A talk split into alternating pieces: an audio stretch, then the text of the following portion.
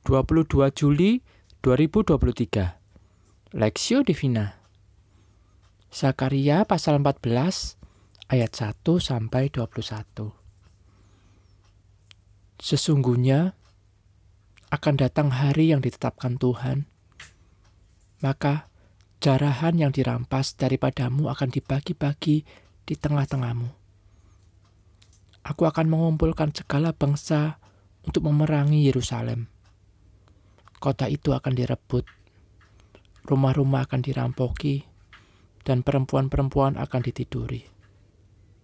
Setengah dari penduduk kota itu harus pergi ke dalam pembuangan, tetapi selebihnya dari bangsa itu tidak akan dilenyapkan dari kota itu. Kemudian Tuhan akan maju berperang melawan bangsa-bangsa itu seperti ia berperang pada hari pertempuran. Pada waktu itu kakinya akan berjejak di Bukit Zaitun yang terletak di depan Yerusalem di sebelah timur. Bukit Zaitun itu akan terbelah dua dari timur ke barat sehingga terjadi suatu lembah yang sangat besar. Setengah dari bukit itu akan bergeser ke utara dan setengah lagi ke selatan. Maka tertutuplah lembah gunung-gunungku, sebab lembah gunung itu akan menyentuh sisinya dan kamu akan melarikan diri seperti kamu pernah melarikan diri oleh karena gempa bumi pada zaman usia Raja Yehuda. Lalu Tuhan Allahku akan datang dan semua orang kudus bersama-sama dia. Maka pada waktu itu tidak akan ada lagi udara dingin atau keadaan beku. Tetapi akan ada satu hari-hari suatu hari Hari itu diketahui oleh Tuhan dengan tidak ada pergantian siang dan malam, dan malam pun menjadi siang.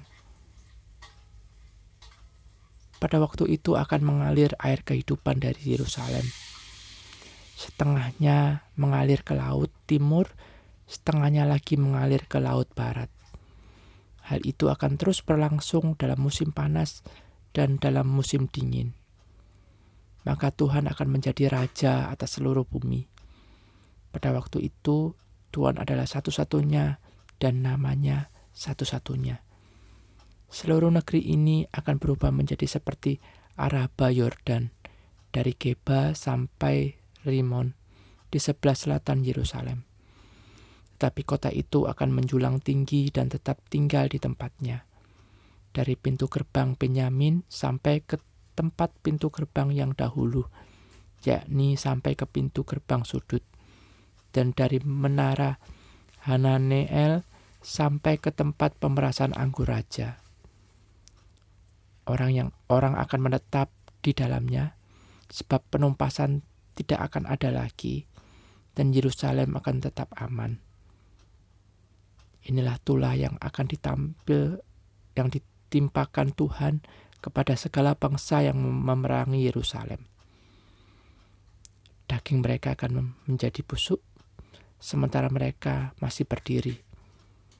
Mata mereka akan menjadi busuk dalam lekuknya, dan lidah mereka akan menjadi busuk dalam mulut mereka. Maka pada waktu itu akan terjadi kegemparan besar daripada Tuhan di antara mereka, sehingga masing-masing memegang tangan temannya dan mengangkat tangannya melawan tangan temannya. Juga Yehuda akan berperang melawan Yerusalem itu dan dikumpulkanlah harta benda segala bangsa di sekeliling, yaitu emas, perak, dan pakaian dalam jumlah yang sangat besar. Itulah seperti itu juga akan menimpa kuda, bagal, unta, keledai, dan segala hewan yang ada dalam perkemahan-perkemahan itu. Maka semua orang yang tinggal dari segala bangsa yang telah menyerang Yerusalem akan datang tahun demi tahun untuk sujud menyembah kepada Raja, Tuhan semesta alam, dan untuk merayakan hari raya pondok daun. Tetapi bila mereka dari kaum-kaum di bumi tidak datang ke Yerusalem untuk sujud menyembah kepada Raja, Tuhan semesta alam, maka kepada mereka tidak akan turun hujan. Dan jika kaum Mesir tidak datang dan tidak masuk menghadap, maka kepada mereka akan turun tulah yang ditimpakan Tuhan kepada bangsa-bangsa yang tidak datang untuk merayakan hari raya pondok daun. Itulah hukuman dosa Mesir dan hukuman dosa segala bangsa yang tidak datang untuk merayakan hari raya pondok daun. Pada waktu itu akan tertulis pada kerincingan-kerincingan kuda, kudus bagi Tuhan, dan kuali-kuali di rumah Tuhan akan seperti bokor-bokor penyiraman di depan mesbah. Maka segala kuali di Yerusalem dan di Yehuda akan menjadi kudus bagi Tuhan semesta alam. Semua orang yang mempersembahkan korban akan datang mengambilnya dan memasak di dalamnya. Dan tidak akan ada lagi pedagang di rumah Tuhan semesta alam pada waktu itu. Tuhan Raja Yerusalem perspektif. Maka segala kuali di Yerusalem dan di Yehuda akan menjadi kudus bagi Tuhan semesta alam. Semua orang yang mempersembahkan korban akan datang mengambilnya dan memasak di dalamnya, dan tidak akan ada lagi pedagang di rumah Tuhan semesta alam pada waktu itu. Sakaria pasal 14 ayat 21. Salah satu alasan mengapa banyak orang Yahudi modern menolak Yesus ialah karena mereka tidak merasa dia memenuhi nubuatan zaman mesianik dalam perjanjian lama. Salah satunya dikisahkan pada bagian ini, kita baca Yerusalem awalnya ada dalam kondisi terdesak. Mereka dikalahkan dan direndahkan oleh beberapa bangsa. Ayat 1 sampai 2. Tidak hanya itu, setengah dari penduduk Yerusalem dibawa untuk diasingkan. Sementara yang tinggal mengalami penderitaan yang lebih buruk di tengah keadaan ini, Tuhan turun campur tangan memberi Yerusalem kemenangan dan bangsa-bangsa lain dikalahkan.